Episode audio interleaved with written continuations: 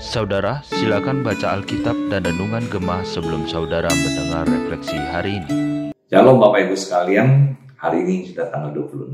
Kemarin kita rayakan akan Kristus dengan hati yang penuh dengan sukacita dan mungkin dengan satu kemeriahan yang luar biasa ya.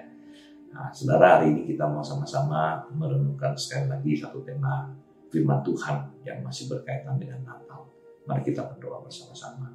Tuhan Bapa di surga, berkati kami, kami akan merenungkan firman, kiranya firman ini boleh menguatkan kami sekali lagi, akan mengingatkan kami akan cinta kasih Tuhan di dalam hidup kami ini, melalui akan Natal yang masih kami rasakan ya Tuhan, yang masih kami rayakan, dan bagaimana kami dapat menjadi seorang anak Tuhan yang sesuai dengan kehendak yang daripada Tuhan, tujuan daripada Yesus Kristus datang ke dalam dunia ini. Terpuji namamu dan Tuhan Yesus kami berdoa.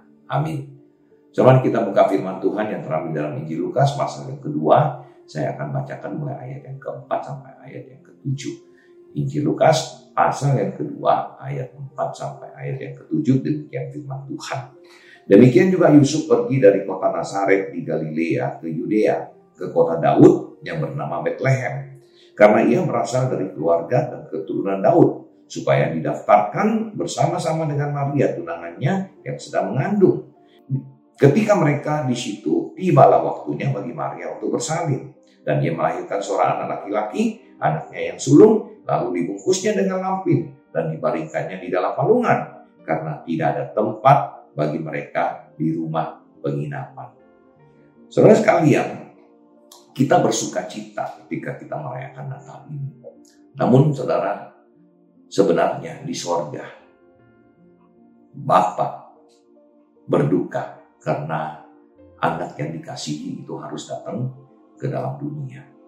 Saudara saya membayangkan saudara, ya ketika saya harus berpisah dengan orang tua, ketika harus pergi sekolah, saya masih kecil sekali waktu itu ya, masih kelas 6 SD, baru mau masuk kelas 6. Mama harus mengantar saya ke pelabuhan, kemudian saya naik kapal meninggalkan kepulauan Sanana, Maluku Utara. Mama menangis, yang melepaskan anaknya. Nah, saudara sekalian, eh, saya dilepaskan hanya berpindah kota dari satu kota ke kota yang lain.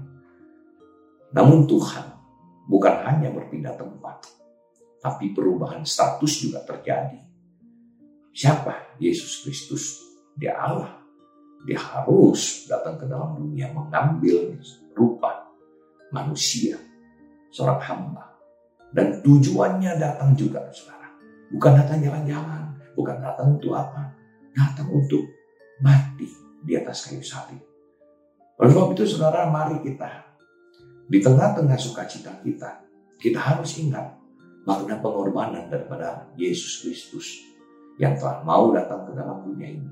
Dan dia datang saudara bukan untuk memberikan kita reward ya, atas kebaikan kita seperti Santa Claus datang bawa dia untuk anak-anak yang baik. Kalau kita saudara mau dibandingkan dengan tradisi orang-orang yang merayakan dengan Santa Claus dengan Santa Pete, mungkin kita harusnya yang dihampiri bukan Santa Claus, Santa Pete, yang akan menangkap kita, menghukum kita, karena kita adalah orang yang berdosa. Saudara, jadi makna Natal ini tidak demikian simpel kita bersuka cita, bersuka cita. Tapi ada satu perenungan yang lebih dalam yang harus kita lakukan.